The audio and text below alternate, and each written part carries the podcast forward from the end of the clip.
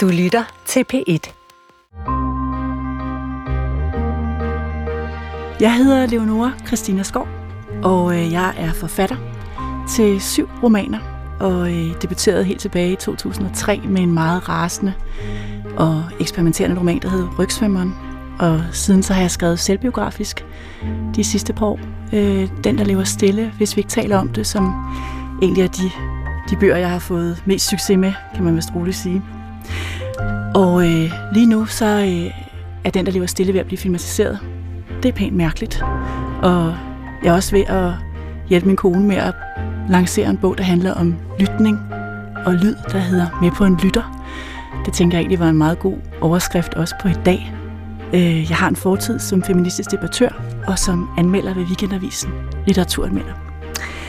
Og når jeg bliver ramt af kunst, så er det oftest litteratur og musik. Fordi musik, det er og har været min store fornøjelse faktisk, siden jeg var helt lille. Og det, der rammer mig, det er især, når jeg mærker, at der er noget på spil. Når jeg føler, at der er nogen, der vimmer noget. Noget, der er vigtigt. Når der er en, en indre nødvendighed. Og den følelse, den havde jeg, da jeg første gang hørte din musik, Aura. Velkommen til. Tusind tak. Aura Dion, som er sanger og sangskriver. Vi har mødt hinanden en enkelt gang for tre år siden, da jeg vandt de gyldne laverbær for Den, der lever stille. Mit forlag havde hyret dig til at komme og spille på numre til festen, fordi de, de vidste, hvor glad jeg var for, for Columbine, og jeg anede ikke, at du skulle komme, og jeg synes, det var så svært at blive fejret. Det er slet ikke noget for mig normalt og sådan noget, men jeg havde dog åndsnærværelse nok til at løbe efter dig og, og takke dig for at være kommet, og var meget fangirlagtig, tror jeg. Øh, så jeg er rigtig glad for at få mulighed for at tale ordentligt med dig langt om længe. Jeg hørte dit debutalbum, Columbine, da jeg anmeldte meget kortvarigt på GAFFA tilbage i 2008. Og det, der ramte mig ud over din meget distinkte stemme, det var det her med, at det var så tydeligt, du havde en kraft, du havde din egen stil, og det var en stil, jeg kunne spejle mig i. Jeg var selv et sted, hvor jeg forsøgte at passe ind i et forfatterbillede, som øh, var meget langt fra mig, og jeg havde virkelig svært med mig selv på alle mulige måder, og det her album hjalp mig virkelig meget. Øh, og om lidt så vil jeg fortælle lidt mere om, hvad det er ved dig og din musik, der har ramt mig, men først så kunne jeg tænke mig at høre, hvad det er, du kan mærke, når du bliver ramt af kunst. Tak for de flotte ord, og det er bare begyndelsen. Mig, nej, jeg føler mig, jeg føler mig meget privilegeret øh, over at måtte være, blive inviteret herind i dag. Det er jo skægt det der med at blive ramt, fordi jeg tror i virkeligheden, øh, når jeg tænker tilbage på, på det at blive ramt af kunst, øh, og, og især musik, så er mit tidligste minde, at min mor sætter en juleplade på med Anne Linnet, og hun spiller Messias, og jeg kan huske, at jeg... Øh, jeg begynder at græde, hmm. og så spørger jeg hende, hvorfor græder jeg, for det gør ikke ondt. Hmm. Og så siger hun nogle gange, så gør musik sådan ved en. Hvor gammel var du? Mm, der har jeg nok været tre år gammel. okay. Øhm, ja. men, men den der følelse af, at musik kunne øh, nå helt ind et sted, hvor at jeg ikke vidste, det måske gjorde ondt. Øh, og så faktisk øh, hele det sted, eller øh, øh, få, få det øh, på en eller anden måde oversat. Måske nogle ord, jeg endnu ikke selv havde tænkt, mm. eller var kommet frem til. Øh, den, den kraft, den, den, ja, den, den sendte mig så tidligt i, i den retning, at jeg vidste, når jeg blev større og voksnere, øhm, så, vil jeg, så vil jeg udforske det, det sted. Hmm. Hvor er det fint, altså. Nå, men øh, jeg vil fortælle dig lidt mere om, hvad det var, der ramte mig ved, ved din musik, øh, da jeg hørte det første gang. Øh, det var jo tilbage i 2008, længe siden allerede. Og jeg kan huske at stoppe i min stue og være sådan, okay, okay, det her er så et lidt andet sted, end, øh, end det jeg ellers havde lyttet til i, i lang tid, som jeg skulle anmelde. Øh, og jeg havde det sådan med det, at det var præcis som når jeg når jeg læser en fremragende bog og kan se på side 1, godt der er en her, der har en stemme. Det her kommer jeg til at læse færdig. Øh, og jeg må også bare sige, at i de år, jeg anmeldte, var det der suverænt det bedste album, jeg anmeldte. Øh, det var helt tydeligt fra starten af. Så øh, det første, jeg lagde mærke til, var selvfølgelig din stemme. Og jeg kan også huske, at jeg tænkte, hvad er det det her? Hvad minder det mig om? Der har et eller andet her, som minder om noget, som jeg har lyttet til i rigtig mange år, samtidig med, at det overhovedet ikke lød som det, var der bare noget ved det. Øh, og jeg tænkte over det i flere dage, og det gik op for mig, at det var jo Tracy Chapman.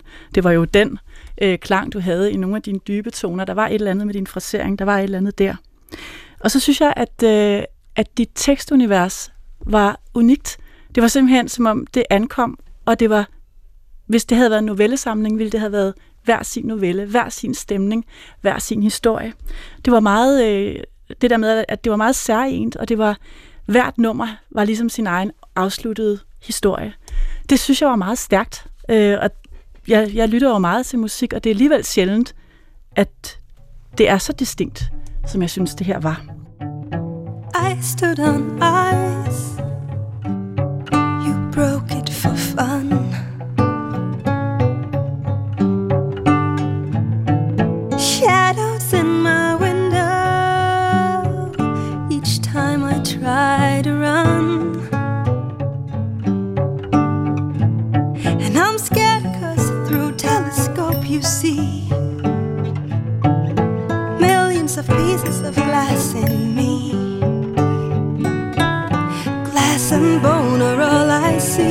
Small blue things are watching me. Flesh and bone and blood and sweat Came from you, head handmade. When you hold me I am blown. I wish that glass could turn to stone Cause if it's hot I melt away. And sure I break one clumsy day Nå, jeg tænkte på, at vi lige skulle, øh, fordi den der glasbone crash jo egentlig har betydet noget særligt for mig. Det var mit allerførste ja. møde med dig og din stemme, og jeg synes virkelig også stadigvæk, det er, jeg synes, det var enormt modigt at starte albumet med det faktisk. Når man tænker på, altså de fleste ville måske have startet et album med, ved jeg ikke, uh, Something for Nothing, og et eller andet sådan af hitsene på den måde, men du starter helt stille med det her nummer. Jeg kunne godt tænke mig at vide, hvad er historien bag det? Hvad, uh, hvor, hvor, hvornår skrev du det? Det var de sidste numre, jeg skrev til pladen faktisk. Mm-hmm. Og øhm, det, er en, det er egentlig en ret speciel historie, fordi det nummer skulle slet ikke have lyttet sådan. Øhm, men aftenen, inden jeg skulle i studiet, der, øh, der fik jeg en, en ven på besøg, som havde taget svampe. Mm-hmm. Og øh, han var simpelthen sikker på, at, øh, at fuglen nede i kongens have havde kigget inten, ham til intenst ind i øjnene, og, og bedt ham om at give dem chips. De har simpelthen kigget på mig og sagt chip, chip, chips. Ja.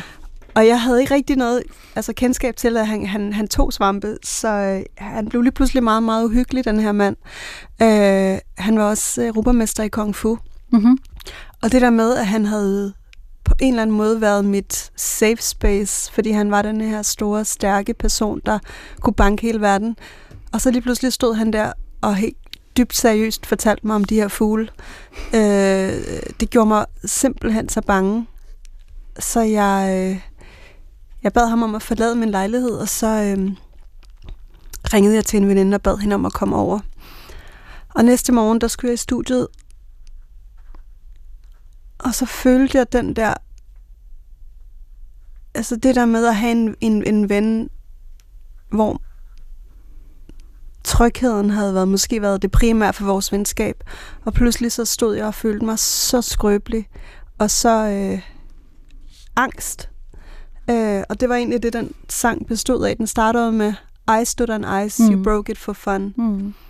Øhm, og, øhm, og så beskriver den ja, følelsen af at være, at vil ønske, at man var større og stærkere, så man kan håndtere øh, de mennesker, som kan komme ind og meget let vælte ind om kun, hvis man er en lille smule. Øh, hvis man giver sig lidt for meget hen til dem, mm. eller lader dem komme derind, hvor man er allermest blød. Man kan jo sige, at der er jo flere sange på det album, der egentlig handler om venskab, ikke? Også Sophie-sangen. Mm. Øh, hvordan har det været for de mennesker, som, som er i dit liv, at være pludselig at komme ind og være en del af din, øh, din musik? Hvordan har de, jeg tænker, fordi du ved, jeg har skrevet de her selvbiografiske bøger, ja. og jeg ved, det, det er jo, når man pludselig tager folk ind i sin kunst, så kan det også have en, en transformerende virkning på dem, der, ja. der bliver en del af det. Altså tit Øhm, lige den her historie er meget øh, øh, den, er meget at, den er atypisk. Altså, den, det er ikke, jeg har ikke andre historier som Nej. den. Den er meget speciel. Øhm, og øh, jeg vil ikke sige, at jeg kamuflerer, men jeg, men jeg er nok med tiden, at jeg, skriver jeg mere om mig selv. Øh, hvor, hvor før i tiden så, fordi jeg ikke havde så mange erfaringer, øh, da jeg startede, så var jeg nødt til at skrive om, om andre, eller det jeg oplevede i andre, eller mm. det jeg troede, jeg oplevede i andre. Øh, og altså, jeg vil jo altid sige, hvis ikke man vil have en sang skrevet om en, så skal man ikke blive kærester med en sanger. Det er så eller en forfatter. Ja, altså det, det, det, så kommer, det, det er nærmest umuligt ikke at, ikke at ryge ind i, i maskineriet, fordi mm. man, man jo oplever livet sammen. Og på den måde, så bliver det jo nødt til at blive oversat, når det nu engang er det, jeg lever af. Så med alt kærlighed og respekt til dem, så prøver jeg altid at være... Øh, jeg, er aldrig, jeg er aldrig bitter, selv hvis jeg oplever vreden, men jeg prøver altid at være på en eller anden måde også objektiv, øhm, fordi der er også altid to, øh, to mennesker i en historie, der skal have en stemme. Mm. Nu er det bare mig, der synger. Ja, det er det heldigvis. White clowns in my doorway Each time I try to run I'm scared cause through telescope you see Millions of pieces of bone in me all I see Small blue things are watching me Flesh and bone and blood and sweat came from you, head handmade. When you hold me, I am blown. I wish that glass could turn to stone. Cause if it's hard, I melt away. And sure, I break one clumsy day. Da jeg lyttede til øh, din musik, der havde jeg skrevet den her rygsvømmeren, som er rasende. Og øh, så havde jeg skrevet roman nummer to. Og jeg skulle faktisk til at træde i karakter som øh, forfatter. Og det var ikke nemt på det tidspunkt i Danmark. Der var det sådan meget, meget sortklædt, meget minimalistisk dansk prosa. Jeg passede simpelthen ikke ind, og jeg gjorde alt muligt. Jeg prøvede at tone ned, fordi jeg tænkte, hvis jeg toner op, hvis jeg ligesom ser ud, som jeg plejer, så kommer jeg aldrig til at blive taget alvorligt som forfatter. Og det var i forvejen enormt svært, fordi jeg havde en profil som feminist, som lesbisk, som anmelder. Og jeg må bare sige, at du øh, inspirerede mig sindssygt meget, fordi du ankom, og det virkede så fuldendt, det du havde gang i. Du havde din egen stil, det har du jo stadigvæk, kan jeg se her, ikke? Og jeg har også kunne se igen i morgen. Du har din egen stil, du har ligesom dit helt eget univers kørende, som du ankom med.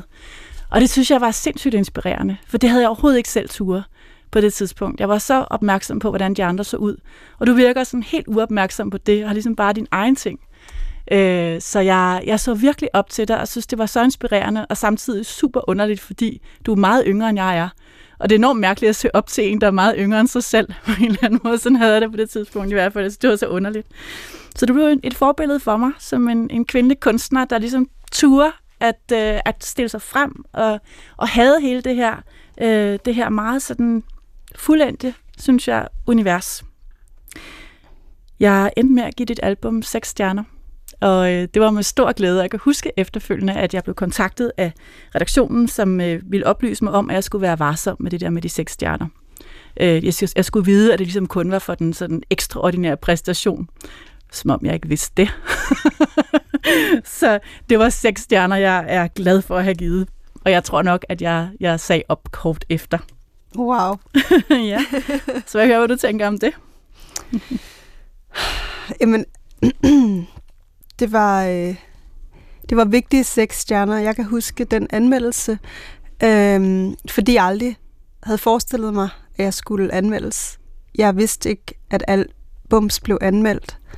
Nå. Øh, for jeg var jo kommet fra Bornholm med klipperne, og mine sange er opstået i dyb nærvær med naturen, og med den ro og mm, min mange lange busture øh, til og fra skole, og øh, et, et meget stille liv, øh, indtil at jeg på en eller anden måde øh, altså, når det så er sagt, så havde mine forældre en, en vild hippie-tid, så, så, så, så stille var det jo selvfølgelig heller ikke. Der var masser af liv og glade dage og fester, og, og de var, øhm, de var nogle, nogle store personligheder, men, men der var ligesom den her boble, jeg var i. Så da jeg endelig kom ud med mit første album, der havde jeg haft omkring 10 år til at skrive det i. Den ældste sang på albummet skrev jeg, da jeg var 11, og den hedder Little Louie. Hmm.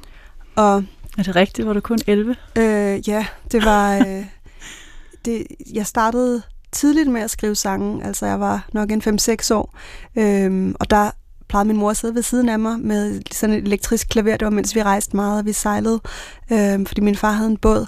Og der, øh, det var inden jeg kunne, kunne skrive, så jeg, jeg hørte melodierne, og så sagde jeg teksten, og så skrev hun det ned. Men, øhm, så, men det album så havde på dansk, jeg, eller hvad? Nej, øh, det tror jeg faktisk ikke. Jeg kan ikke rigtig huske det. Jeg, jeg tror bare sådan, det var en blanding af... Ja, det kan jeg ikke huske. Det har nok været en blanding af, vi talte lidt forskellige sprog, fordi vi, vi sejlede og rejste og havde mange ja. Øhm, ja, med os ombord. Så det har nok været en god blanding af det hele. Men i hvert fald Little Louis øhm, var, var det tidligste nummer, som, som kom med på pladen. Øh, og den øhm, erfaring, som jeg ikke havde på det tidspunkt, den øh, fik alligevel på en eller anden, altså når jeg ser tilbage, er det jo den særlige sensitivitet, jeg havde, hvor jeg kiggede på de voksne, jeg kiggede på de mennesker, som mine forældre bragte ind i vores liv, og jeg så øh, folks øh, liv passere revy for mine øjne, i mine følelser mm. også, når jeg kiggede på dem og stillede ind på dem. Så den her gave, eller hvad man skal kalde det, den, den omformede jeg til musik. Så pludselig kunne jeg skrive et enormt voksent album, øh, som jo både handlede om, om øh, jamen, alt fra øh, prostitution til incest til øh, bare det at, at, at se en veninde, der var midt ude i verden og kiggede efter sig selv. Og jeg ønskede sådan, hun skulle finde vej hjem, fordi hun var sådan lidt svævende i sin måde at være på. Det var Song for Sophie. Mm. Men øh, også øh, I Will Love You Monday, som jo blev mit første kæmpe store gennembrud internationalt, som, som handlede om en, en, sådan et parforhold, men på en ugebasis, mm.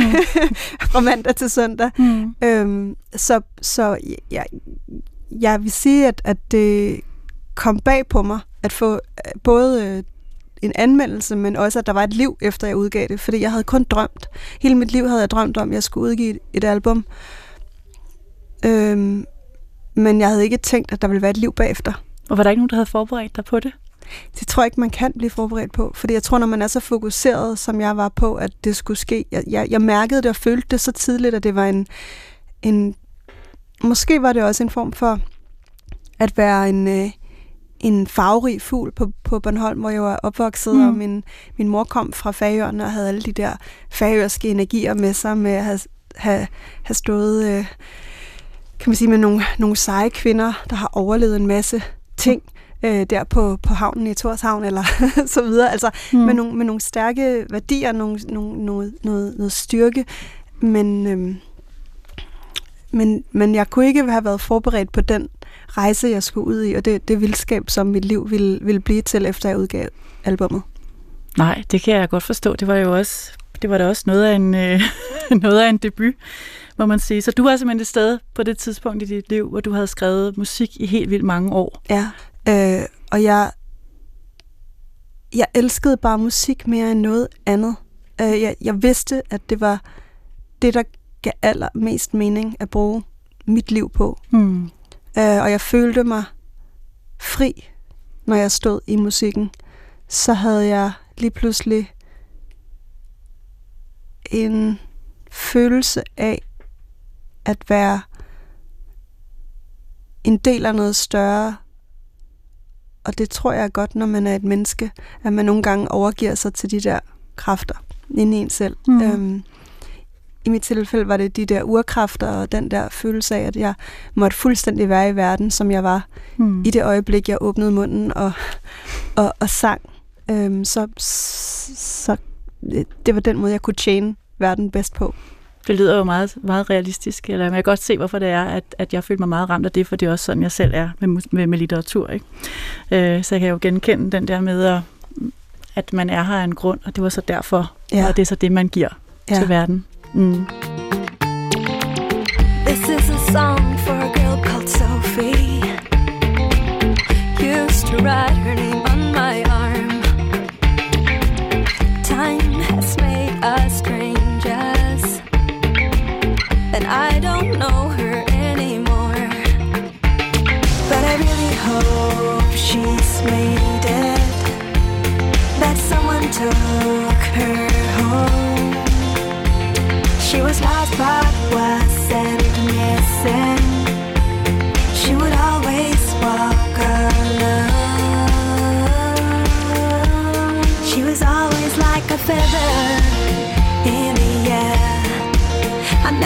she was flying or falling.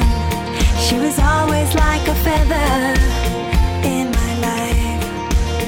I hope she flies.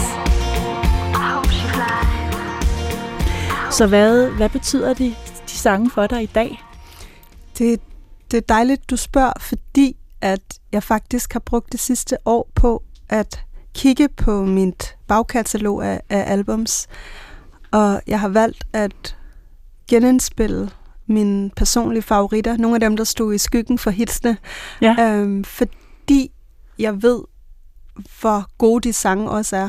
Altså, hvor meget de, hvad kan man sige, sådan nogle bouillonterninger. Mm.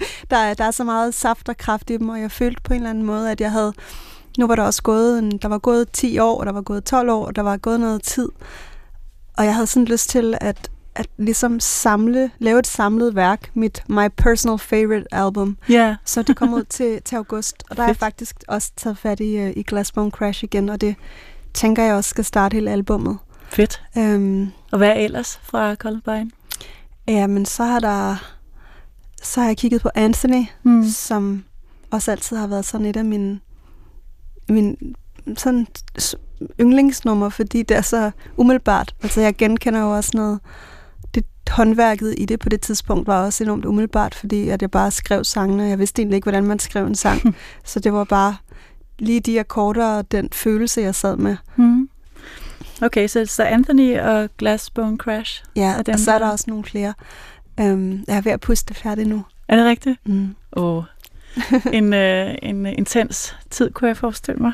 Eller hvad? Er det ikke mærkeligt? Faktisk, jamen, faktisk har det været den mest fantastiske proces, fordi jeg tror, jeg har været fuldstændig klar til at dykke ned i de følelser og kigge på de sange, og, og også opleve sådan det der med, at gud, hvad tænkte jeg på det tidspunkt? Og, Nå, der var jeg. Ej, hvor er det spændende. Hvor er det sjovt. Og jeg havde sådan lyst til, altså det har bare været, det har virkelig været en, en, en utrolig rejse at, at, at kigge tilbage på et liv, øh, og få lov til at opleve mig selv i små glimt igen, og, øh, og på en eller anden måde også gøre noget af det endnu mere færdigt, hmm. fordi jeg har er blevet dygtigere, siden jeg, jeg startede. Så hvad har du gjort? helt præcist? Er de sådan instrumenteret anderledes, eller er det sådan, har du lavet om i, i teksten, eller?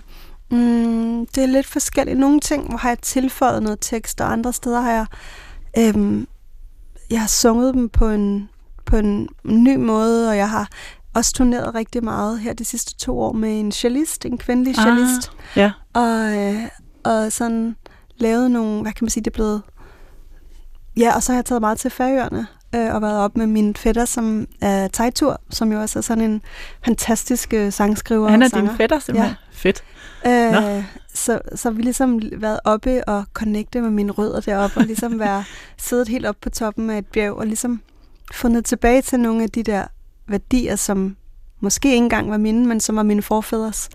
Og på en eller anden måde skabt et album ud fra de værdier, hvor jeg var fuldstændig grounded. Um, det er i hvert fald det, der er mit håb. Det er det, jeg har gjort. Ja. Nå, gud, jeg anede da ikke, I var i familie med hinanden. Hvor er det fedt. Tæller du færøsk? Lidt. Åh. Oh. Ja. Ja, det er, jeg vil også helt gerne. Jeg har været der, men kun om vinteren. Det var en kold oplevelse. det, er en, det, er, det er et meget særligt land, og der er meget... Øhm, altså, man har det som om, man, man, man er landet midt i et i, en, i et, et vikingeeventyr. Ja. Øh, Og øhm, der er, altså, det er ikke et sted, man skal tage hen, hvis ikke man kan møde sig selv. Fordi det, der, er så, der er ikke en træer, så der er ikke noget i horisonten, så man kigger jo bare direkte ud i, i verden derfra, hvor man er. Det, det, der er så mange kræfter på spil. Jeg har faktisk fået et skriveophold på en ø, der hedder Fair Isle, som ligger mellem Orkneyerne og Shetlandsøerne. Øh, seks uger. Wow! Det er så grotesk. Der er 44 mennesker og utrolig mange får. Ja. ja, og man kommer der til en syvpersoners fly til næste år, til februar. Jeg tror, det bliver meget koldt. Og jeg Ej, hvor er det spændende. jeg synes, det er så fedt. Altså, jeg er sådan helt op at køre over det. det. Det har jo ikke noget med noget at gøre. Jeg ved ikke rigtig, hvad jeg skal derudover at skrive, men altså, det bliver jo... Ja, jeg synes, der, der er et eller andet vildt over de der øer ja, der. der er absolut. Ja. Nå, men øh, nu fik du jo lov til, eller undskyld, jeg fik lov til at lægge ud med at fortælle om øh, min oplevelse med din sang. Og nu kan jeg godt tænke mig at spørge dig, om du har et værk, som øh, i særlig grad har ramt dig. Ja, og det har jeg øh, i den grad. Anthony Ja. Higety, hun udgav i 2005 et album, I'm a Bird Now, Mm. og der er en sang på det album, der hedder Hope There's Someone. Da jeg hørte det nummer, så tænkte jeg, hvis jeg nogensinde kan få et menneske til at føle, hvad jeg føler nu, så er jeg det lykkeligste menneske i verden. Så har min musik opfyldt alt det, jeg havde håbet. Hvad følte du? Jeg tror, jeg følte mig mindre alene. Jeg tror, jeg følte, at der var en Mm. derude, som var lige så sensitiv, som jeg var. Mm. Og Anthony sad ved et klaver i musikvideoen og krænger sit hjerte ud og synger Hope There's Someone. Det er også åbningslinjen til sangen, og han lyder som en blanding af Elvis og Nina Simone. En fuldstændig gudsbenået stemme, som er så blød, at den kan skære en i hjertet. Hope there's someone who'll take care of me when I die. Will I go? Hope there's someone who'll set my heart free, nice to hold when I'm tired. There's a ghost on the horizon when I go to bed. How can I fall asleep at night? How will I raise my head? det nummer, det var så stærkt og sart på samme tid. Og i hvert fald så gjorde det også så stort indtryk, at han jo, eller hun, blev en muse.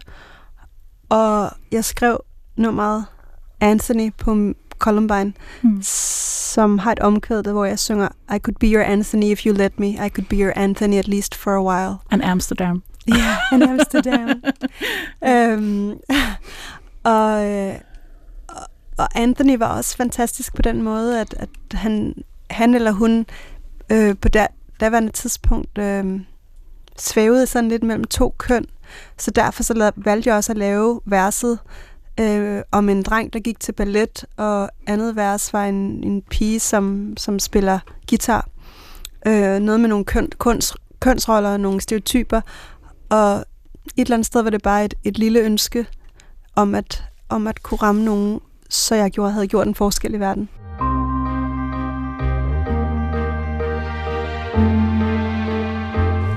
Mm. Aura, det har jo været utrolig øh, dejligt at møde dig. Og jeg, øh, jeg sidder og tænker på det her med, øh, du sagde lige før, at, øh, at musik jo også kan få en til at føle sig mindre alene. Øh, fordi det er også noget, jeg genkender fra litteratur, at det allerstørste, der egentlig kan ske, synes jeg, det er, når man får skrevet noget, når man får, får skabt noget, som, som gør, at andre mennesker føler sig mindre alene. Noget, som gør, at de, de føler sig set og, og spejlet i, i det her. Øh, og det, på en eller anden måde, så føler jeg, at vi har et, øh, et slægtskab i det, at det faktisk er lykkedes. Øh, og jeg synes også, at vi har et slægtskab i det der med, at øh, vi begge to er mennesker, der kan finde ud af at gøre ting færdige, og få dem ud i verden. Om det, der er en, altså, det er en kvalifikation af mange, man bliver nødt til at have i det her liv, hvis man på en eller anden måde skal skabe noget jo. Altså, det må man sige, du har gjort. Øh, jeg er simpelthen så glad for at, at have mødt dig rigtigt, endelig. På måde, Leonora. Ja, så det her, det var altså ramt af kunst, og med sanger og sangskriver, Aura Dion og mig. Og jeg hedder Leonora Christina Skov, og jeg er forfatter og utrolig glad for musik.